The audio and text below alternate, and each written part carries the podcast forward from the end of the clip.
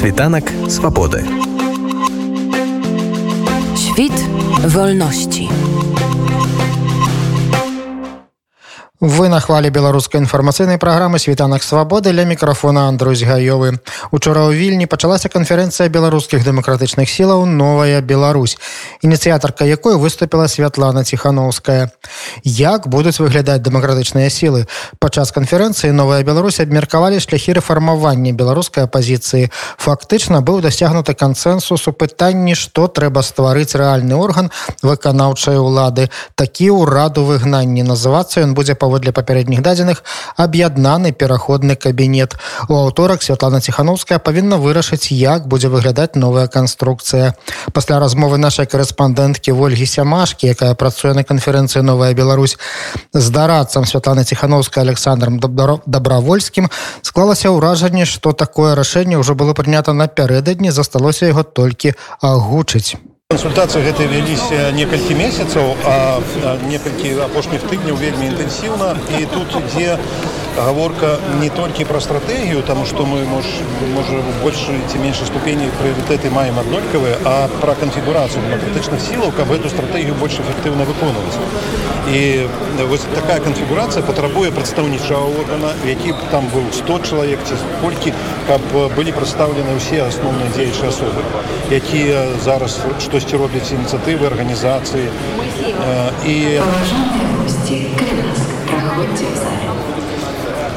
і каб гэтыя ініцыятывы арганізацыі мелі сваіх прадстаўнікоў яны прымалі стратэгічнае рашэнне абмяркоўвалі спрачаліся але прыходзілі да кансэнсусу і гэта плануецца зрабіць на базе карнацыйнай рады такія кансультацыі зараз вядуцца карнацыйнай радзе ідзе дыскусія яна на жаль зараз не вельмі дзеяздольная засталося мало людзей актыўных там і мы плануем павялічыць і каб яны прадстаўлялі рэальныя арганізацыі і другая справа гэта стварэнне выканаўчага органа у нас ёсць бачанне як гэта можа быць хто можа кіраваць і ёсць пэўныя кандатуры не ўсе але напрыклад на сілавы блок яны ёсць і чакаем ад адной кандатуры пацвярджэння што ён згодзін гэта фактычна будзе ўрад вось сёння гэта слова прагучала шмат раз гэта сленг такі так аб'яднаны перадходны кабінет гэта не урад паўнавартасны таму што паўнавартасны ўрад павінен выконваць пэўныя функцыі у краіне сваёй урад у выгнанні таксама гэта пытанне якое трэба будзе вырашаць мы так не называемся легітымнасць будзе ад Светланы ціхановскай таму што яна яго фармуе яна прызначае пасля кансультацыі узгадненняў але яна прызначае і яе прызнаюць на міжнароднай арэне але у падтрымка дзеянняў гэта ўрада калі ён будзе паспяховы а я вельмі спадзяюся што будзе паспяховы можа набыць не толькі легітымнасць ад Светланы ціхановскай ад людзей ад міжнароднай супольнасці таксама А тое што вось сёння былі пастаўлены такія тэрміны Святланы ціхановскай даць адказ да заўтра да вечара кабінет як гэта расцэньвае як ультымат ведаеце што ёсць такі стык паводзінаў мы зараз ўсё гэта ўзгаднілі плануем гэта зрабіць заўтра а некаторыя каб накачаць сабе рэйтынг ці яшчэ чагосьці думаюць што гэта як ультыматум мы, мы гэта ўзгаднілі мы пра гэта дамовіліся Вось і ўсё А скажыце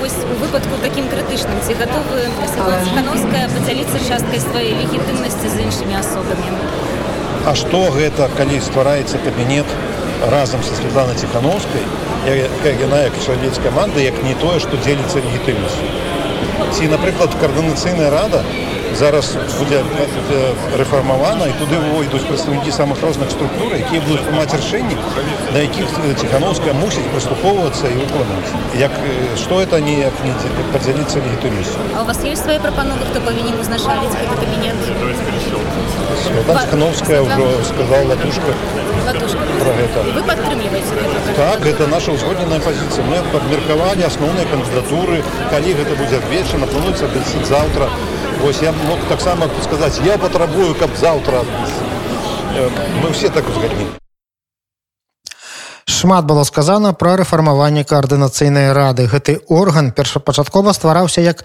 калегіяльны орган дэмакратычных сіл зараз пераглядаецца яго статус старшыня каардынацыйнай рады ольга кавалькова подзялілася з намі меркаваннем як можа быць рэфармаваная рада скажите, ласка, ну, колькі зараз ідзе шмат размоў пра рэфармаванне каардынацыйнай рады так як адказны чалавек за гэтую раду як вы бачыце рэфармаванне гэтага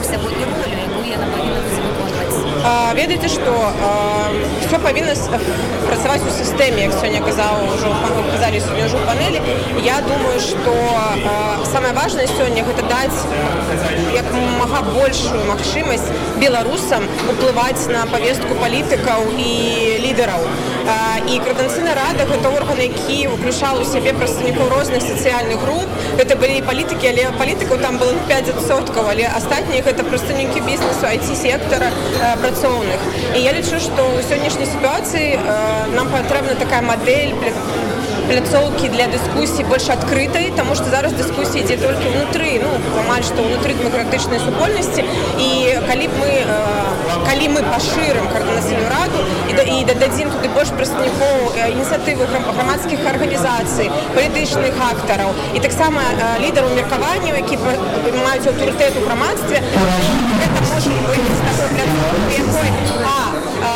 ёсць дыскусія б гэта дыскусія уплывае на палітыку лідараў у якой абмяркоўваецца і выбудоўваецца кансенсус по пэўным важным момантам у якой распрацоўваюцца падыходы як вырашаць праблемы менавіта сёння І другим пунктам ужо фармаванне бачання новай беларусі гэта больш такі шырокі прадстаўнічы пра прадстаўнічая арганізацыя яна можа працаваць у связ у звязку з абраным прэзідэнтам у звязку з кабінетам як выканаўчым органам улады я лічу што гэта можа працаваць толькі ў сістэме але трэба думаць мне падаецца што важна думаць пра форму але для мяне прыоритетам таксама з'яўляецца і тое што ідзе ўнутры і што які склад гэтай формы стратэгія што мы прапановваем не толькі сілавы блок але як сёння беларусы могуць вырашаць свае праблемы унутры беларусі. Для мяне вось менавіта ў першай панелі напрыклад я гэтага не пачула. Для ну, я спадзяюся што да чавёртай панелі мы зможам абмеркаваць ўсё ж такі людзей. і беларусаў што з імі рабіць як ім дапамагаць можа быць дапамогуць іх формаў пра які мы сёння кажам можа быць гэта таксама будзе крокам я скажу так што я бачу дыскусію ўнутры яна ідзе ну, досыць непросто але мы ніколі не працавалі ў дэмакратычных мадэлях мы ўвогуле не ведаем што гэта такое і для нас гэта таксама шлях. І та мадэль каардынацыйнай рады якая склалася на валне там кансалідацыі грамадства якая гэты час працавала яна ўжо мае досвед як пэўныя працэдуры ажыццяўляць яна можа пашырыцца і там перадаць гэты досвед іншым людзям і мець развіццё далей.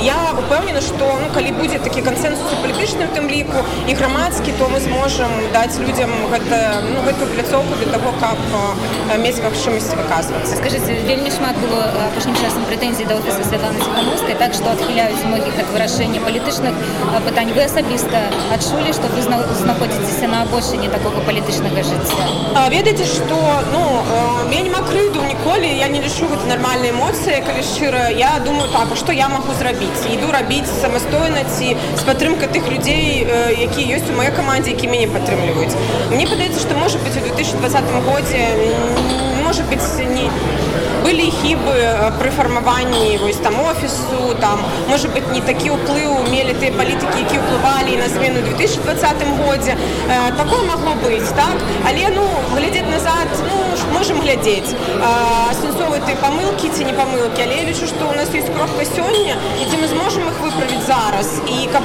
меркаванне іншых палітыкаў іншых лідараў з іншым меркаваннем уплывала на офіс э, да я, я лічу што мы можем а, іншае што ну как бы тут таксама трэба жаданне успрымаць я лічу што каардынцыйна рада як пляцоўка яна з'яўлялася вельмі сур'ёзным балансам дэмакратычных сіл для мяне гэта асабіста вельмі вялікае дасягненне што гэта атрымалася таму што каардынцыйна радзе ёсць і офіслан ціхановская ёсць на ёсць прадстаўнікі іншых палітычных суб'ектаў і меркаванне тых людзей якія не прадстаўляюць палітычныя сілы уплывала на іх увесь гэты час у тым ліку Таму я лічу што такія арганізацыі гарызантальны павінны існаваць без іх паверце мы уже давно былі б можа быть і больш было б крытыкі напэўна на ўсю дэмакратычную супольнасць я лічу што трэба альтэрнатыўным меркаваннем даваць таксама магчымасці быць там дзе яны ёсць глядзіце вось адзінства беларускай апазіцыі так гэта яшчэ такое э, вельмі важны такі пункт для міжнародных партнёраў так і вось сёння я ведаю што вы былі на спатканні з просто прапанова памірыцеся Я падаецца што просто розны можа быць падыход і трэба як я бачу што можа быць гэта больш магчымасці больш шчыльна і шчыра размаўляць ёсць одна праблема што і лідары у тым ліку не знаходзяцца ў адным месцы напрыклад я жыву ў варшаве там палпалы шлатушка таксама жыве ў варшаве частка людзей жыве ў вільні ну как бы ёсць там я думаю што цыкалы яны не ведаюць дзе зараз яны можа быць у грэцыі жывуць ну как бы і гэта таксама складае пэўныя складанасці але мне падаецца што палітыкам трэба вучыцца шчыра прамаўляць свой інтарэс калі ты агучваеш свой інтарэс то ёсць магчымасць у іншых таксама дрэгаваць калі мы маніпулюем і пытаемся неяк там ну как это перанять тое як усе бачаць палітыку ва ўсім свеце то ад гэтага атрымліваецца што ну нейкі можа быць і падман і вельмі марудна рухаецца я не лічу што ёсць ну как бы пра што мірыцца трэба прамаўляць інтарэсы які ёсць у палітыка я хочу вось гэта мне цікава вось гэта потому что нават унутры дэмакратычная супольнасць ёсць разныя стратэгіі і тут можна замаць розныя ролі хтосьці падтрымлівае сілавы сцэна я напрыклад лічу што гэта добрая ідэя але я напрыклад не маю здольнасцю там да сілавога супрацьстаяння я там 10 гадоў беларусі займалася адвокасі кампейн там змены заканадаўства нават пры дыктатуры і чатыры законамі змаглі зміць у меня ёсць досвед дамоваздольнасці змяншэнне палярызацыі грамадства ну мне гэта блізка я лічу што у сённяшняй нават геапалітычнай сітуацыі можа быць так складана будзе ну как бы можа быць будзе гушаць не так просто ўсім але наша магчымасць дамаўляцца уплывае на тое ці наступным крокам будзе сілавы ці военны сцэнар калі мы не умеем дамаўляцца ці ўвогуле просто размаўляць адзін з адным слухаць адзін адно потым наступстве нас наступным крокам ідуць жертвы ахвяры і людзі якія гінуць таму нам як палітыкам я лічу што трэба ўсім не толькі беларускім але ўсім ва ўсім свеце праходзіць школу медыяцыі школу там не знаю вучыцца дыялогу і размаўляць адзін з адным больш шчыра тады б і грамадства не страдала ад таго што палітыкі не умеюць сёння прагушала што адзіным выхадам застаўся ўсё ж такі сілавы сцэнарый вы таксама схіляцеся да мне меркавання я не лічу што гэта ну глядзіце калі напрыклад вадзім прокоплю кажа пра тое што сілавы сцэнарый гэта дэманстрацыя сілы і толькі і нават ужо пасля гэтага гэта прымушае іншую іншы бок ісці на змены чаму не мы зараз таксама гэта робім гэта канферэнцыя таксама дэманстрацыя сілы і усе гэта два гады чаму не сітуацыя не змяняецца і не вырашаецца адбываецца Таму што дэманстрацыя сілы ёсць двух бакоў дагэтуль да, гэта норм дэманстрацыя сіл норм але браць штурмам весці там беларускае грамадства мы, вы паглядзіце на 20 год на папярэднія гады наш я ліжу культурны код гэта мир как бы беларусы миролюбівая нацыя і не трэба вінаваці што не атрымалася трэба сказать круто что мы такія я напрыклад гэтым ганаруся потому что я не хачу каб у моей краіне гіблі людзі за ўладу хтосьці можа лічыць по-другому я так не лічу я лічу что мы патрэбны мы павінны адказна ставіць для ўсіх рашэнняў каб людзі не гіблі каб кожная сям'я не несла гэтай страты боля того что яго чалавек загінуў і яшчэ не зразумела за што как бы што выніку мы атрымалі я лічу што гэта такі працэс у які у якім ужо ёсць вынік і как бы мы не спыняемся таму ну вось у меня будзеце працягваць санкцыйны ціск да, конечно гэта інструменты конечно да. гэта інструменты для того каб іншы бок зразумеў што мы не адступім і пайшоў на змены самастойна под ціскам з перамовамі мы не ведаем як ніхто не ведае можна разглядаць розныя сцэнары мы не ведаем як гэта адбудзецца але конечно трэба працягваць э, дэманстраваць сілу але ну я не бачу сёння патэнцыялу беларускага грамадства пасля э, двадцатого году пасля рэпрэсій двух ходов на то что сегодня белорусы выйдут и будут э, там не ведаю як яны будут змагаться ну, я не уявляю мне, мне, мне не визуализуется. Я пол калиновска когда прикладу вось так ён не находится не, ну, так, все равно там же шмат там не беларусы стварылі э, ёсць запад на агрэсію э, я я згодна может быть запад ёсць я лічу что калі э, гэта маё асабістае хтось можа падзяляць іншае меркаванне я лічу что пол каліновска гэта до, добрая магчымасць ствараць модель беларускага войска якая абараняе свой народ і э, абараняе краіну ад э, знешняга агрэсару чаго няма ў беларусі зараз. Мы бачым што ўнутраныя войскі яны э, дзейнічаюць супраць грамадзян. Як модель так але як такая ж сіла якая ёсць сёння беларускай улады я сёння пакуль што гэта не бачу як модель так але як мы можа зможам перанесці яе ўнутр краіны у меня няма адказах на, на адказ на гэта пытанне таму для мяне пытанне сілавога захвату э, гэта ружовыя акуляры сёння ну прабачце э, как бы ну я па-іншаму гэта не бачу вы падтрымаеце кандыдатуру латушкі як кіраўніка кабінетам Э, я не мало что ведаю про кабінет калі шчыра э, про сам я ведаю про гэту модель э, якая абмяркоўваецца як это можа працаваць у звязку з іншым я думаю что падтрымае хтосьці персональна кагосьці персональных гэта неправільна патрэбны механізм голосавання конечно падтрымки там не ведаю большасці тое ж самае калі мы кажам про коаардынацыйную раду для мяне механізм які правильно было б сёння фармаваць гэта там прямое голосаванне каб палітыкі у тым ліку які абіраюцца ў любую модель нават як про яку мы зараз размаўляем там это может быть скранацыя рады каб яны каб за іх галасавалі каб людзі прыходзілі казалі сваю праграму за што яны выступаюць ну я можа быць як пратотып там ці прыклад які ўжо быў гэта можа быць сход напрыклад але тады ёсць адчуванне адказнасці і я думаю что нам трэба імкнуцца ва ўсіх наших працэсах быць больш адкрытымі і рабіць так каб беларусы абіралі А калі мы заўжды выбіраем самі сабе Я конечно разумею складанасці гэтага Ну, час які ёсць зараз.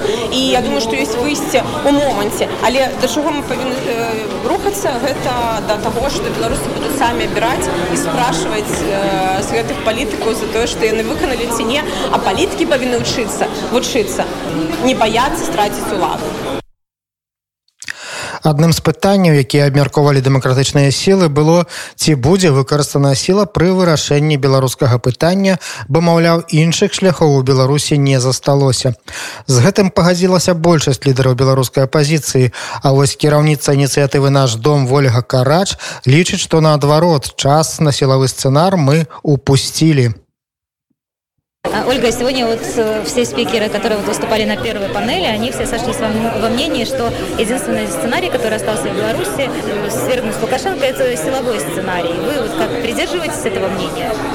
Я считаю, что время силового сценария, в принципе, упущено он был бы, возможно, нормальный, а, например, там весной прошлого года, а, когда силовым образом, то, что мы говорили про DNX, силовым образом блокируется страна да, максимально, и а, предпринимаются некоторые активные действия, которые можно отнести к силовым, тогда были шансы на успех, потому что силовой сценарий, в принципе, это ведь не сценарий, когда мы пришли и замочили всех силовиков, да, а это сценарий, когда силовым путем создается создается такое напряжение в обществе, когда часть силовых структур не выдерживает и переходит на сторону белорусского народа. Вот я считаю, что время для такого сценария упущено, а, и об этом говорит в том числе и то, что и Украина, и другие страны уже это прекрасно понимают. Я считаю, что сценарий должен быть другим. А, мы не использовали самый главный сценарий. Мы никогда не использовали сценарий политический. Это создание а, правительства в изгнании, создание альтернативной Беларуси, как я говорю, Беларусь в изгнании, а, которая выстраивала бы полностью альтернативные системы управления и не в игрушечном варианте, вот похохотать там и так далее, а именно э, то, как просто параллельную Беларусь. Это сложнее, это дольше, это требует вовлечения гораздо, конечно, большего количества людей, но нам нужно создавать систему, когда двоевластие Понимаете?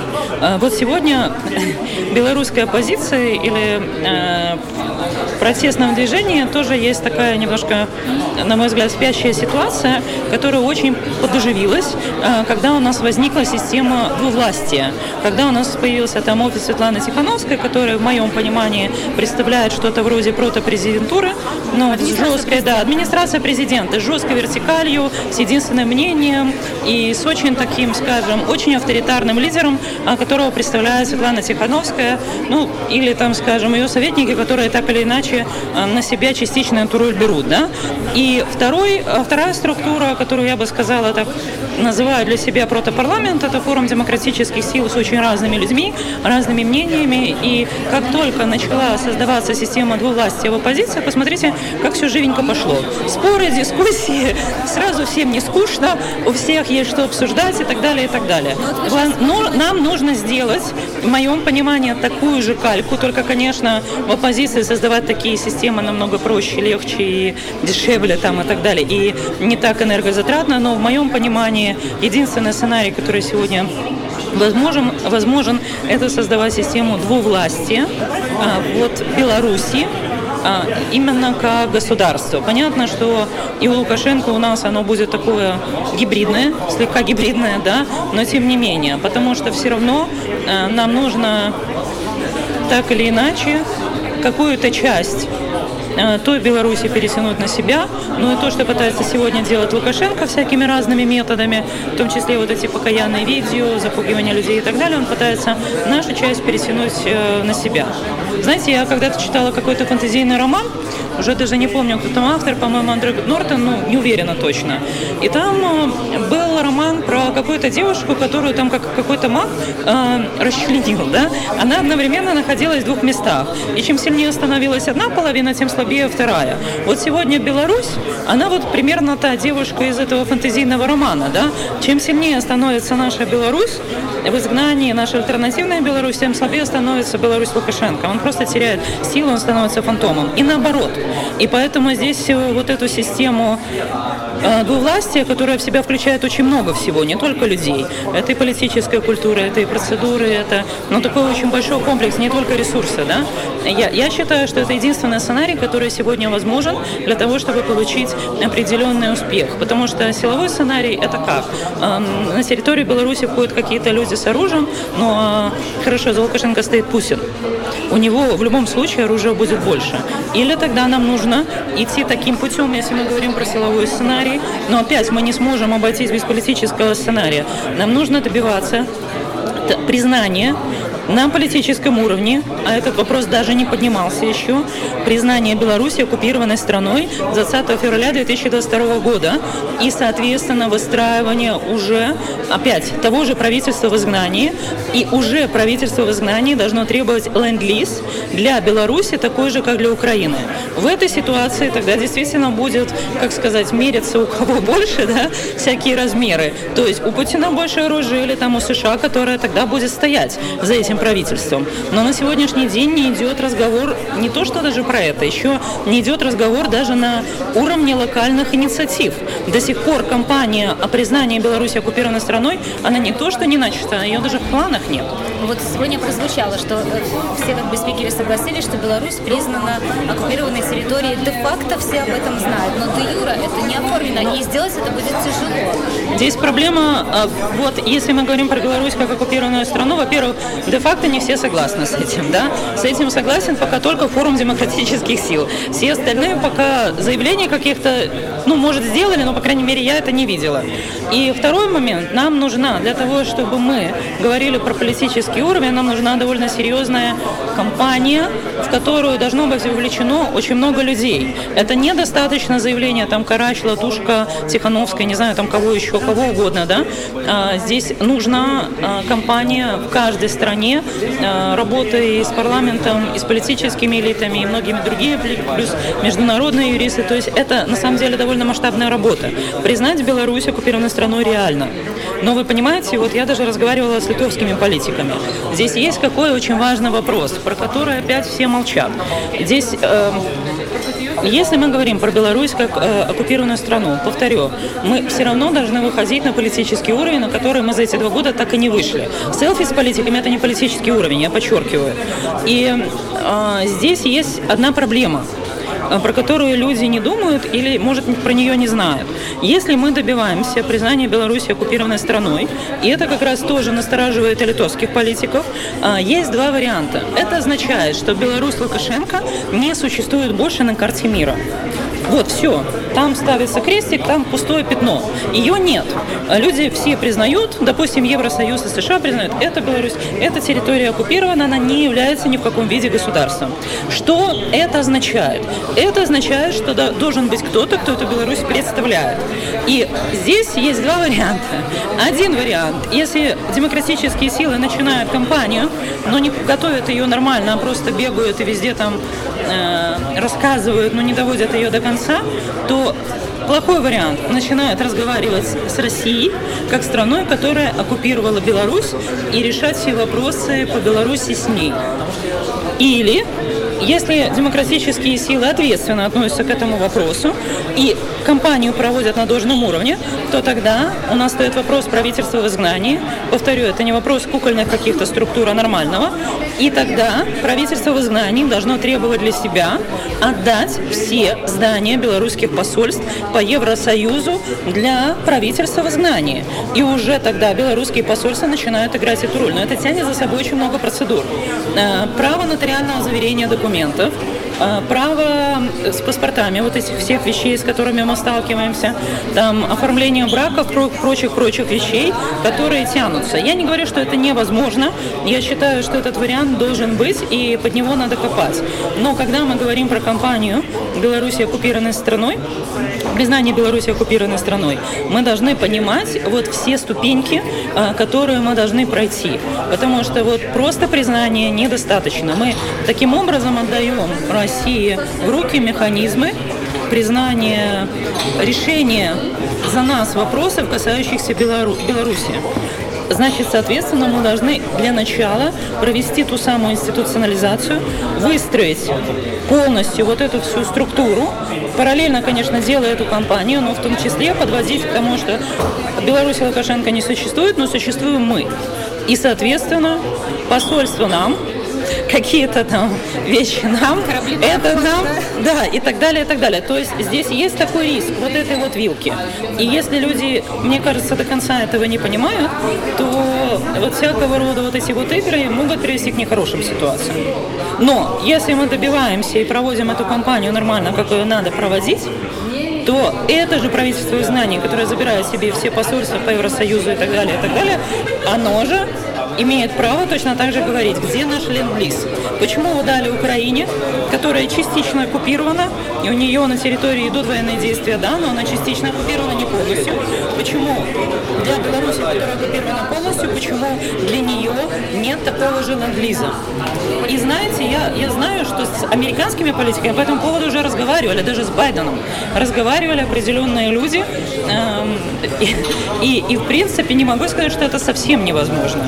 Другой вопрос, что американские политики, с которыми говорили, я уже не буду ссылаться на конкретную цитату, которую мне передали, они сказали, а кому вы собираетесь дать ленд-лиз?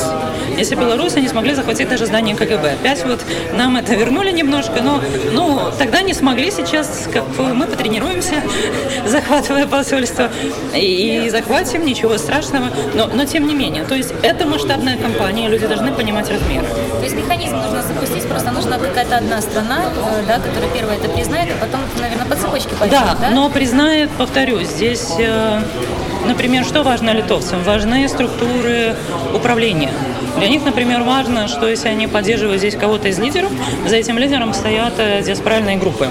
Например, белорусская диаспора, которая поддерживает там этого человека, эту организацию или эти организации, потому что лидеров может быть несколько. И если такой поддержки они не видят, э, поверьте, тут страна маленькая, здесь очень легко э, ориентироваться и все заметно, да? Да, все друг друга знают, и тут в один клик, как говорится, можно дойти до президента, поэтому получается ситуация, что э, если они видят, что поддержки такой нет, или видят, что какие-то вещи там не складываются, то они даже не будут это делать. Потому что первый вопрос, который вот мне сразу задали все литовские политики, они задали вопрос по международному праву. Мы признаем оккупированной страной, окей, там сейчас в парламенте 50 на 50, я так оцениваю, да, а с кем мы потом разговариваем? Меня еще один вопрос к вам по поводу вот этого национального совета, да, в который вы вошли.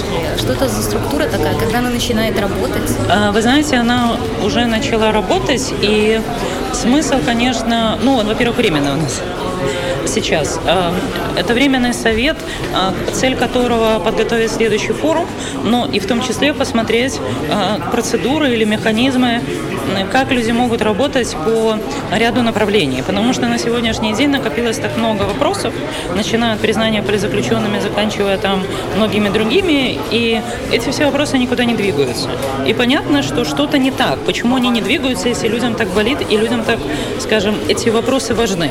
И поэтому на сегодняшний день как раз э, создан такой коллегиальный орган, где принимаются решения и где э, люди себя показывают, скажем так. Как мы можем научиться, как мы можем научиться, условно говоря, выбирать кого-то, да, и делать правильный выбор, если у нас не было даже шансов выбирать председателей домов или там директоров школ. Откуда люди вообще могут такие навыки получить?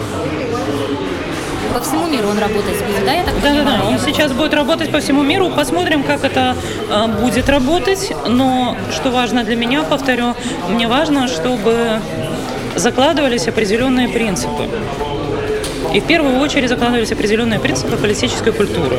То, чего не было, например, до 2020 года в оппозиции, например, там, что такое хорошо, что такое плохо, да? И что, например, можно говорить про коллег, что нельзя публично говорить? Или как себя можно вести, как нельзя? Вот плеваться можно в мотольку или нельзя? Вот э, заложим э, политическую культуру, что в него можно плеваться. Окей, значит, все будут плеваться. Есть э, все решат, что это нехорошо как-то в него плеваться, значит, ну, понимаете, вот в чем проблема с Лукашенко? Он, когда пришел э, президентом в 94 году, он был как Маугли. Он был из такой маргинальной среды, э, и плюс тогда Беларусь была молодой республикой, в которой не было устоявшихся демократических институтов, поэтому вот это вот такое банальное, что такое хорошо, что такое плохо, оно было, ну, его не было. Например, если ты простой человек, то убивать э, соседа, который тебе не нравится, это, конечно, плохо, да? А если ты президент? Ну, можно ли убивать э, политического оппонента? А можно ли убить главу мафии? Ну, то есть, это такие вопросы, которые нам сегодня кажутся очень очевидны, но тогда они были не очевидны. И на сегодняшний день таких вопросов в демократическом обществе очень базовых вещей. Кто мы, куда идем, что мы делаем, какие наши ценности и так далее, и так далее. Это все сейчас только формируется. Но не было этого. Так получилось. Лукашенко все заморозил, выжег там и так далее, и так далее. Поэтому с моей точки зрения, процесс идет странновато, но в правильную сторону. А... Значит, его Ну, в любом случае, да. В любом случае, то, что дискуссии идут, это все нормально, это не надо воспринимать близко к сердцу. Мы еще получим, я думаю, не раз в парламенте люди друг друга стаканами будут кидаться, и, наверное, и морды будут бить друг другу. Это все хорошо. Тут э, без драматизма нужно, скажем, к этому всему относиться. Но здесь главный вопрос в том, что такие ситуации э, как раз-таки именно формируют ту самую базу политической культуры. Потому что она в каждой стране своя. Нет такого, что, например, ну вы понимаете, то, что, например, допустимо в украинском парламенте, совершенно недопустимо, например, в шведском. И это не потому, что кто-то пришел с Бог, спустился с небес и на скрижалях там чего-то написал, да? А много лет эта культура вырабатывалась за счет каких-то ситуаций, которые люди переосмысливали, обсуждали и приходили к какому-то выводу, да? Вот повторю, только плеваться можно, это хорошо или плохо?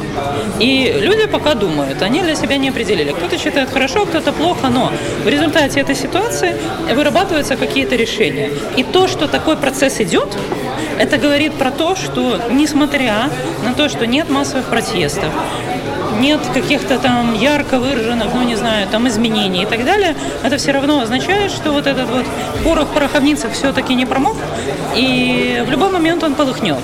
Но как мы подготовимся к следующему разу? Будем ли мы готовы, или мы опять вот э, пропустим этот шанс, эту вспышку, это зависит только от нас. И я думаю, вот сегодня все идет, повторю, в довольно правильном направлении. Ну, а то, что оно иногда идет в таком, иногда токсично, но а, что может быть после 28 лет диктатуры? По-другому оно сразу и не будет. Вы э, возьмите там в канализации трубу, где засор, откройте. Ну, фонтан какой будет в канализации, да, всякий разный. Поэтому все нормально. Все нормально, заторы про, про, надо проработать, и дальше будет чистая вода.